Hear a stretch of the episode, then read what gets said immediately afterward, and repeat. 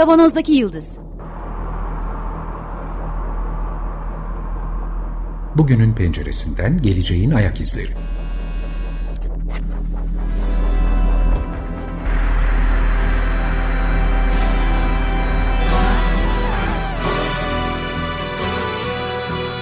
Hazırlayan ve sunanlar İsmail Başöz, Haluk Levent, Mustafa Yılmazer ve Fethiye Erbil. Zorlu Holding Sürdürülebilirlik Platformu Akıllı Hayat 2030, herkes için daha yaşanabilir bir dünya diler. Merhabalar, Açık Radyo'dayız. 95.0 Kavanoz'daki Yıldız programında sizlerle beraberiz yeniden. Geleceğin ayak izlerini sürmeye devam ediyoruz. Birkaç programdır çalışma hayatı ve çalışma süreleri, iş süreleri üzerine sohbet etmeye devam ediyoruz. Tekrar bir hatırlatalım nereden çıktı. Özellikle pandemi döneminde online çalışma koşullarıyla beraber tekrar bütün dünyada gündeme gelen çalışma koşulları ve çalışma süreleri üzerine biz de geleceğin ayak izlerini sürmeye devam etmek istedik. Ne oluyor, nereye gidiyoruz diye. Ee, çok kısaca iki hafta önce dünyadaki çalışma sürelerinin tarihi içerisinde nasıl bir yön izlediğini konuşmuştuk. Geçtiğimiz hafta Keynes'in John Maynard Keynes'in benim torunlarım 15 saat çalışacak diye yazdığı, 1930'da yazdığı bir makale üzerinden konuşmuş ve burada özellikle Haluk'un altını önemli çizdiği gibi bu sürecin, bu olayın gerçekleşmemesinin önünde 15 saatlik iş haftası hayalinin e, gerçekleşmesinin önündeki en büyük engelin üretim ilişkileri ve e, kapitalizm olduğunu belirtmiştik. Geçtiğimiz hafta yaptığımız programda bunun detaylarına ulaşabilirsiniz e, dileyen olursa. Şimdi Haluk'la beraberiz yine. Merhaba. Ve ben İsmail. Bugün bu kısa çalışma süreleriyle ilgili yine dünyada yapılan bazı çalışmaları ve uygulamaları konuşmak üzere sizlerle beraberiz. Yine bu sohbetin asıl sebebini birkaç hafta önceki programlarda da belirtmiştik. Dünyada bir otomasyon ve yapay zekanın gelişimi nedeniyle insanların işlerini kaybedeceği üzerine yapılan spekülasyonlar, haklı da aynı zamanda bir kısmı dan yola çıkarak ne durumdayız, nereye geliyoruz e, sohbeti yapmakta aslında derdimiz ama benim kişisel idealimde tabii 4 saatlik iş günü üzerinden olduğu için bütün dünyada şimdi 6 saatlik iş günleri konuşuluyor ya da 4 günlük iş haftaları üzerinden ama ben ısrarla 4 saatlik iş günü diyorum. Gerçi Haluk bu konuda 4 saat bile fazla demişti. Yok ben şimdi bir, konu çok karıştırılıyor ee, böyle konuşunca onu da belki yeri gelmişken altını çizmek lazım. Bizim bahsettiğimiz zorunlu çalışmanın azaltılması. Yani çünkü geçen hafta özellikle çok ele almaya çalıştık Keynes'in meselesinin öngörüsünü tartışırken bu e, kapitalizmin e, bu işin müsebbibi olduğunu söyledik ama bu kapitalizmin e, bu işi yaratırken ortaya koyduğu mekanizma gelişen teknolojiyle özellikle son yıllarda çok büyük süratle gelişen teknolojiyle birlikte emek verimliliğinin çok artması. Emek verimliliği çok artınca iki tane şey çıkıyor ortaya. Bir, geniş kitleler işsizliğe doğru geçiş yapıyorlar. İkincisi çalışanların vasfı yükseliyor. Dolayısıyla aslında teorik olarak da bunların işini koruyabilenlerin, işini koruyabilenlerin ücretlerinin artmasını da beklemek gerekiyor. Fakat e, bu ikincisi gerçekleşmediği gibi 15 saatlik çalışma haftası ya da işte başka türlü bir Keynes'in öngördüğü meseleye yakın bir çalışma haftası gerçekleşmiyor. Yine biz 40 saat, uzun mücadelelerden sonra 40 saatlik çalışma haftasını kazandık. Ama emek veriminde çok büyük artış olduğu için bu defa kitlesel işsizlik ortaya çıkmaya başladı.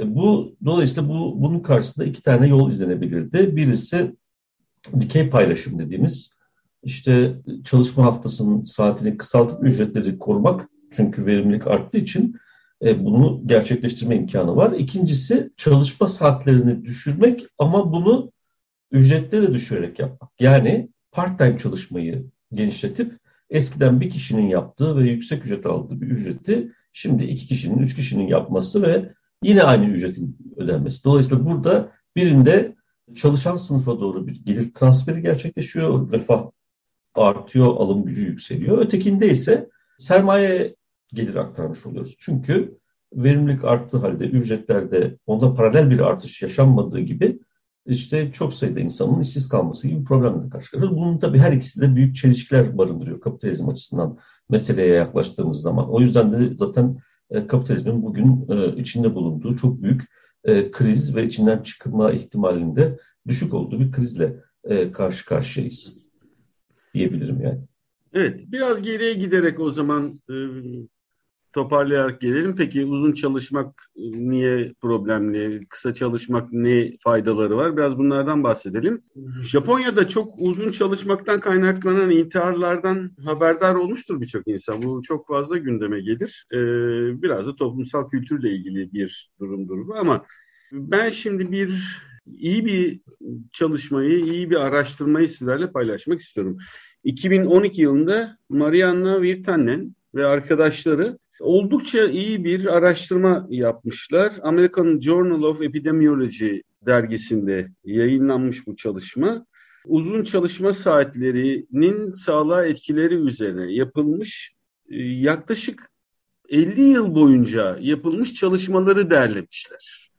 Daha doğrusu ne diyeyim en eski çalışma 1953 tarihli olmak üzere birçok çalışmayı almışlar ve incelenmeye değer bulan 12 araştırmayı e, gündeme getirerek 22.500 çalışanın e, toplamda denek olarak daha doğrusu işte gözlenilen, araştırılan kişi olarak e, bulunduğu bu 12 çalışmada ortaya çıkan sonuçları e, yine bilimsel bir gözle işte bu bir meta analiz çalışması. E, bunu belirtmek gerekiyor tabii. Sistematik bir inceleme yapılmış. Uzun saatler boyunca çalışanların kalp hastalığı riski ihtimalinin yüzde 40 daha fazla olduğunu tüm bu çalışmalardan çıkarmışlar.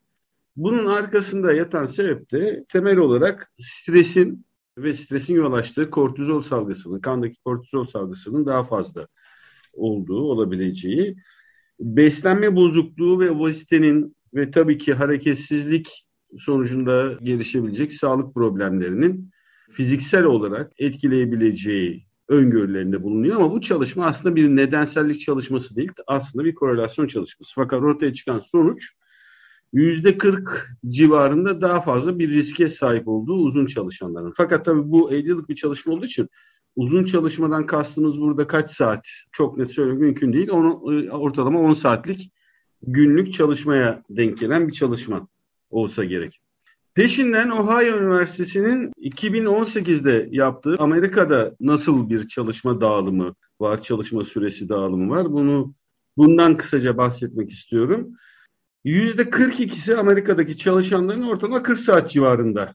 Bu çalışma 2018'de yayınlanmış. E, Ohio Üniversitesi'nin çalışması. %42'si 40 saat civarında çalışıyor. %40'ı 50 saat ve daha üstünde çalıştığı ortaya çıkıyor.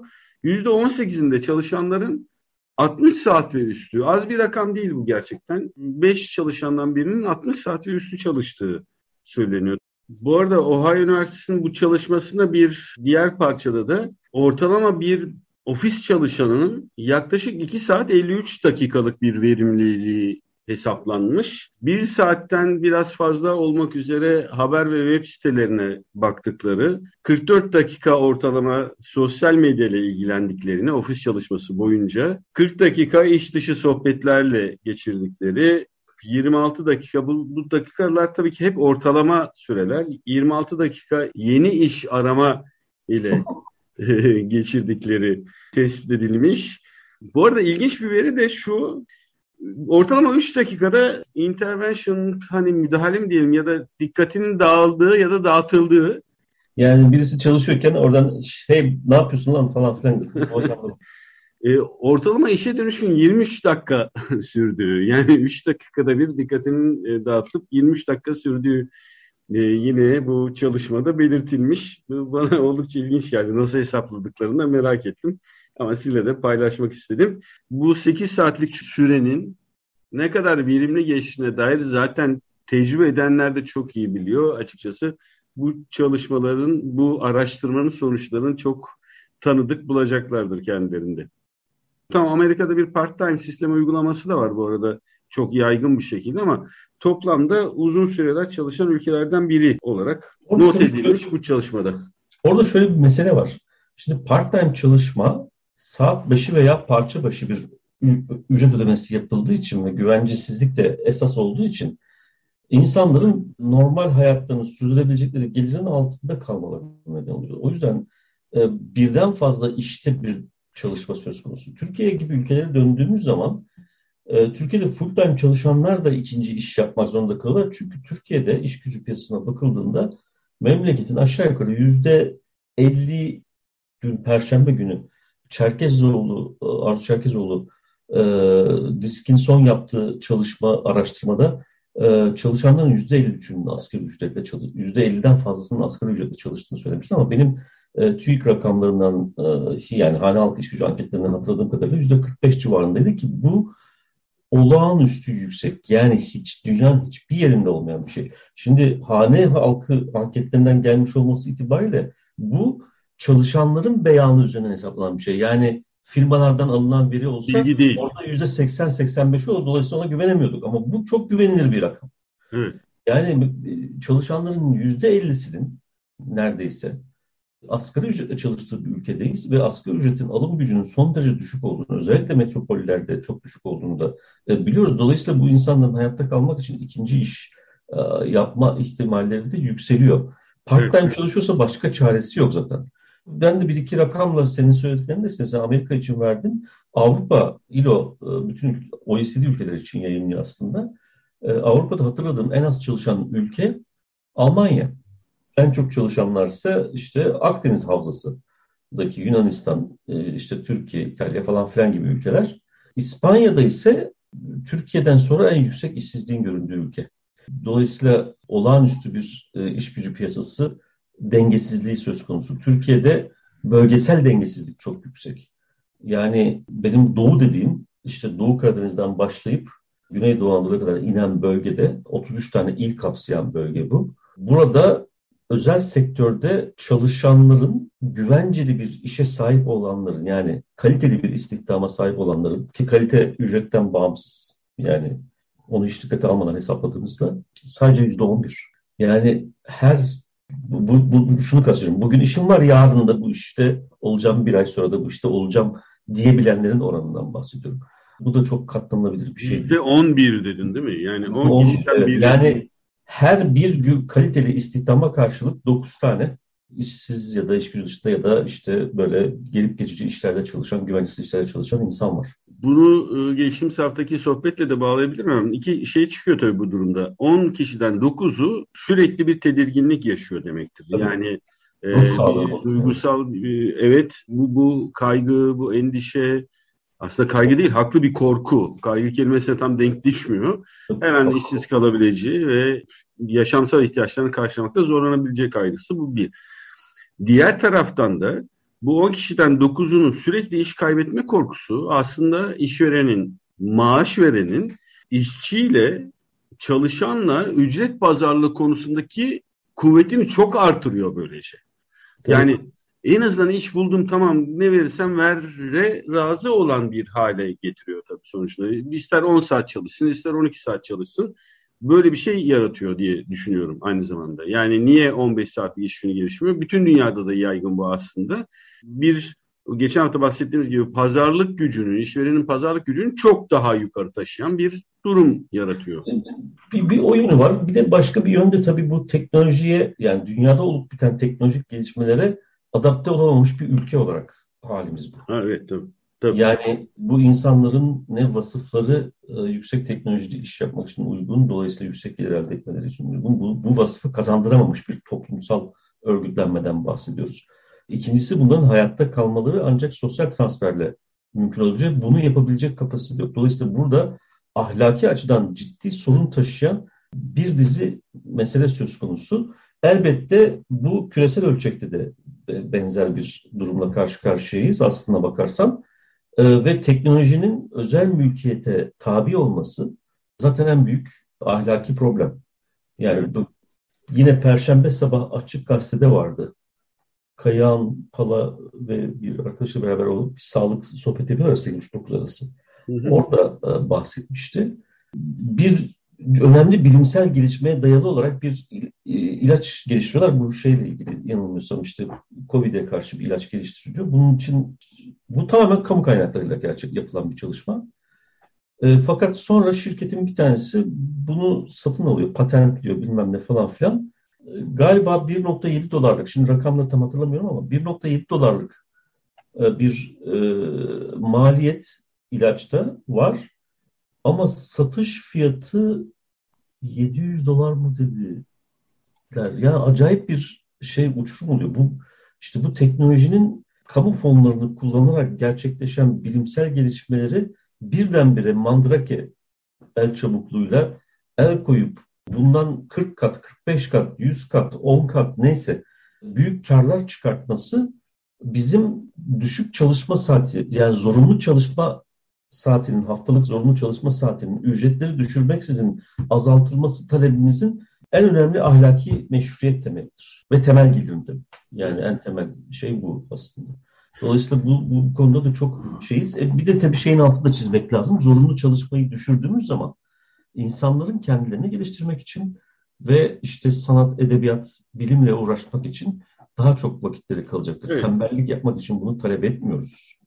Bu konularda da yapılan bir takım pilot çalışmalar var. Biraz sonra geleceğiz ama biraz önce bahsettiğim programı Açık Radyo'nun e, şahane programlarından biri olan Osman Elbek ve Kayahan Pala'nın Perşembe sabahları yaptığı Salgınlar Çağı'nın ismini geçelim. Çok keyifli dinlediğim ve herkese de tavsiye ettiğim programlarımızdan bir tanesi. Şimdi bu kısa çalışma ya da az çalışma bu arada önümüzdeki haftalarda üzerine bahsedeceğiz de bu konuda çok bilinen kitaplar da var. Tabii ki Lafarge'ın Tembellik Hakkı, e, Russell'ın Aylak'la Övgü ismiyle çevrilmiş kitabı Türkçe'de var. Önümüzdeki haftalarda bunlardan da konuşuruz, konuşacağız. Bu talep aslında çok eskilerden başlayan bir talep. İşte 1930'larda dedik John Maynard Keynes bunu öner şey e, gündeme getirmişti makalesini ama ondan önce işverenlerden de gelen çıkışlar var. 1920-1930 büyük buhranda Amerika'da isimlerini hala bildiğimiz iki tane büyük sanayici Kellogg's ve Ford e, da gündeme getiriyor bunu ve böylece işsizliğin de bir miktar azaltılabileceğini e, söylüyorlar. Hatta Kellogg's uzun yıllar uygulamış da 6 saatlik iş gününü. Bununla beraber bunun yaygınlaşmasının önünde şöyle bir problem çıkıyor. İşverenler saatleri düşürüyor. Bu bahsettiğim iki sanayicinin dışındaki diğer işverenler de çalışma saatini kısaltıyorlar ama saatler düşünce ücretleri de düşürüyorlar. Evet. Ücretleri düşürünce işçi de buna karşı çıkıyor fakat gücü yok. Tamam diyor ben yine eskisi gibi uzun çalışayım, eski maaşımı alayım ma dönüyor yine iş aslında. Israrla bahsettiğimiz kısa çalışma daha insani olan aynı e, ücretle, aynı maaşla daha kısa çalışmayı kapsayan.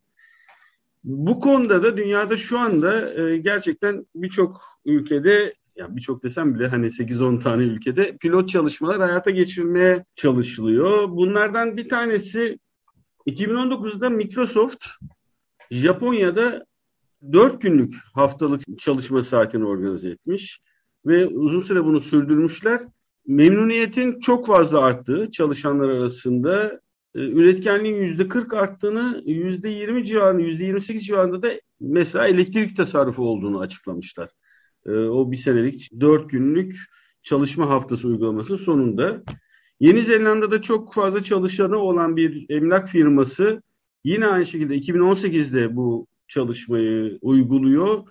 %20'lik verimlilik artışından bahsediyor. Daha kısa çalıştığı halde işçiler. İzlanda'da 2015-2019 arasındaki bir, uygulamada 35 saatlik hafta uygulanıyor. Ve orada da yine çok benzer sonuçlar elde ediliyor. İsveç'te Gothenburg'da 68 hemşirenin yaşlılara bakım hizmeti veren 68 hemşirenin günlük çalışma saatini 6 saate indirerek yine sosyal demokrat bir belediyenin, sosyal demokrat bir partinin e, yönetimini e, gerçekleştirdiği bir bölgede bu uygulama yapılıyor. Bu, iki yıllık bu uygulama sonucunda gerek hizmet verenlerin yani hemşirelerin gerekse hizmet alanların yani yaşlı hastaların memnuniyeti çok fazla artıyor. Daha fazla sosyal faaliyetlere katılması sağlanıyor o e, hizmet alanların. Bakın hizmet verenlerin değil, sadece çalışma süresi azalan çalışanların değil, hizmeti alanların da daha fazla sosyal faaliyetlere katıldığı ortaya çıkıyor. Fakat orada 1.4 milyon dolarlık bir e, maliyet artışı gündeme gelmiş. Bu 68 hemşireyle başlanan çalışmalar. Çünkü 17 çalışan daha eklenmek durumunda kalmış. Bunun sürdürülebilirliği konusunda tartışmalar gerçekleşiyor. Geçtiğimiz yıl Finlandiya Başbakanı, ondan önceki yıl Yeni Zelanda Başbakanı biri 6 saatlik iş günü, bir diğeri 4 günlük iç haftası gündeme getiriyor. Her ikisi de kadın başbakanlar. Bunları da belirtmek istiyorum. Bunlar tartışılıyor ve gündeme getirilmek üzere pilot uygulamalar planlanıyor bu ülkelerde. En son çok yeni haberim yani çok yakın en yakın zamanda İspanya'da. Biraz önce sen bahsettin Haluk. İşsizliğin yüksek olmasına rağmen İspanya'da özellikle bu Covid sürecindeki tecrübelerden sonra haftalık 4 iş günü uygulaması üzerine önce pilot çalışmalar ve e, daha yaygın bir şekilde bunun bütün ülkede hayata geçirilmesi konusunda gerçekten ciddiye alınır tartışmalar, hazırlıklar sürüyor. Burada da tabii İspanya'da da ilk karşı çıkan e, ve hararetle karşı çıkan İspanya TİSKİ, İspanya İşveren Konfederasyonları Başkanı olmuş. Böyle bir zamanda bu kadar büyük bir regresyon, bu kadar büyük bir ekonomik gerileme varken daha az çalışmak değil daha çok çalışmamız gerekir aksine diye karşı çıkışını yeni işveren sendikası gerçekleşmiş. Bütün dünyada e, bütün dünyada demesek bile ha bu arada tabii işin ilginç tarafı da şu yani daha az çalışma saatleri aslında daha çok refah seviyesinin daha yüksek olduğu ülkelerde söz konusu bu da ilginç bir şekilde. Kuzey Avrupa ülkelerinde başta olmak üzere biraz, biraz önce söylediğim gibi Almanya'da, e, Fransa zaten bayağı uzun süredir 35 saat çalışıyor değil mi? 1900... Evet ama 35 saat çalışma haftasında sıkıntılar var orada. Peki onlardan bahsedersek. Sonucunda bütün dünyada daha doğrusu sözü geçen ülkelerde bu tartışma sürüyor ve bence hem gönlümden geçen hem de okuduklarım kadarıyla bu tartışma e, artarak devam edecek. E, daha kısa çalışma sürelerine ilişkin. E, Valla şimdi şöyle bir problem var. Bu çalışma haftasının kısaltılması kamudan geldiği zaman iyi. İşverenlerden geldiği zaman biraz e, şüpheyle, şüpheyle bakıyorsun. Çünkü e, bankacılık sektöründe çok yaygın olarak görüyoruz bunu. İşte haftanın bir günü işe gelmeyin. Ondan sonra bu eğer cuma dışında bir günse cuma da gelmeyin gibi Türkiye'de de birkaç banka bu şekilde uygulama yapıyor. İşte operasyonel maliyetler düşüyor. Eve ee, gelmeyin home office çalışın anlamında. Evet evet home office çalışın. Ama orada da performans kriteri bazı çalışma olduğu için yani mesela teknoloji ARGE şirketlerinde şurada mesela Microsoft'ta falan ben şaşırdım senin mesai saatini kısalttın. Orada mesai Sadece kavramı... Japonya'da. Sadece Japonya'da. Yani mesai kavramı yoktur oralarda. Çünkü orada performans ölçütleri var. Belli bir e, sürede bitirmesi gereken işi bitirmen gerekiyor. Burada Tamamen ister evden çalış, ister içeride çalış, ister gece çalış, ister sabah çalış. Öyle yaratıcılığın söz konusu olduğu şeyde büyük bir e, ne bileyim bir, bir sürekli band gibi hani vida sıkan işte Fordist iş bölümüne uygun bir e, üretim tarzı olmadığı için herkesin yapacağı işler belirlenir. Onlar bir, bir koordinatör onları izler şey yapar ama sonuçta eninde sonunda bireysel olarak kafayı dinleyip sessiz bir ortamda tek başına çalışman gereken bir e, şeye gelirsin. E, bu, bu o yüzden orada mesai saati kavramı pek yoktur zaten. Ama işverenlerden geldiği zaman onun ikinci adımı evden çalışma. İşte biz ihtiyaç duyduğumuz zaman sizi arayacağız. Ondan sonra da işsizlik e, şeyine doğru gidiyor. Çünkü bankacılık sektöründe özellikle finans sektörünün pek çok alanında daha doğrusu süratli bir insansızlaşma yaşanıyor. İşte şubelerde artık çok fonksiyonlu, çok büyük ATM'lerin olduğu, e, ve şimdilik sadece birkaç tane host eden çalışanın bulunduğu hani e, o makineleri kullanmakta e, güçlü çekenler olursa diye e, olacak e, olduğu şubeler var. Bunlar başarılı olur ve insanlar bunlara alışkan diyorsa bu genç kuşakların devreye girmesiyle tabii büyük bir alışkanlık da olacaktır. E, onların da olmayacağı dolayısıyla artık şube bankacılığı yani bankacılığın istihdam yükünü o çeken, istihdamın yaratma konusunda esas faaliyet alanı olan e, şubeler, şube bankacılığı ortadan kalkacak. Yani şubeler olacak ama içinde insan olmayacak. E, zaten online bankacılık da bunu son derece azaltmalarına neden oldu ve güçlü eğilimler var bu konularda. Dolayısıyla orada bir şüphe var. İkincisi ben artık çalışma saatinin azaltılmasının yanı sıra ya da belki ondan daha öncelikli olarak temel gelirden yanayım. Yani temel gelir çünkü zorunlu çalışma ile refah arası, minimum refah arasındaki bağı kopartan bir e, uygulama ve bu bizim atak etmemiz gereken yer burası esasında. Dolayısıyla ben buna daha fazla önem veriyorum. Teknolojinin geldiği bu seviye itibariyle de bunun çok mümkün olduğunu e, düşünenlerden birisiyim. Ee, bir hafta artık Sayın Hocam temel gelir konusunda daha önce başka yerlerde de yaptığınız programları açık radyo içinde evet, çeşitli paylaşınız lütfen. Şu, şu sırada epeyce popüler bu konu. Bizim bir Cogito'da bir Ahmet İnsel ve Fikret'le beraber bir röportajımız oldu. Cogito'nun son sayısında var. Merak edenler için söylüyorum. Bir de web sayfasından ulaşılabilecek bir şey.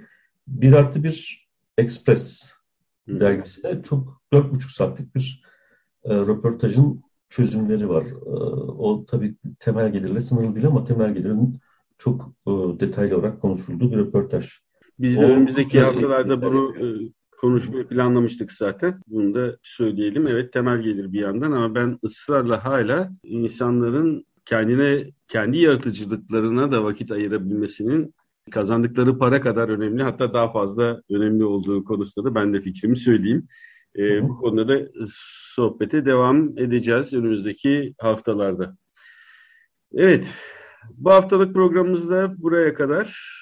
E, bu programın sizlere ulaşmasını sağlayan bütün Açık Radyo çalışanı arkadaşlarımıza çok teşekkür ediyoruz. Ellerine sağlık. Program destekçimize ve bütün Açık Radyo program destekçilerine tekrar canı gönülden teşekkürlerimizi iletiyoruz. Önümüzdeki haftalarda tekrar görüşmek üzere. Sağlıkla kalın. Hoşçakalın.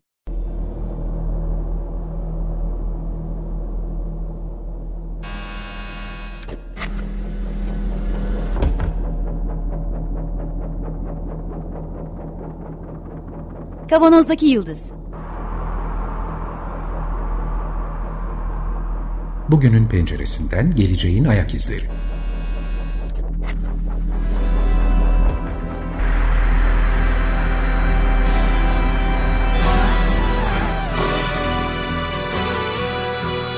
Hazırlayan ve sunanlar İsmail Başöz, Haluk Levent, Mustafa Yılmazer ve Fethiye Erbil. Zorlu Holding Sürdürülebilirlik Platformu Akıllı Hayat 2030 sundu.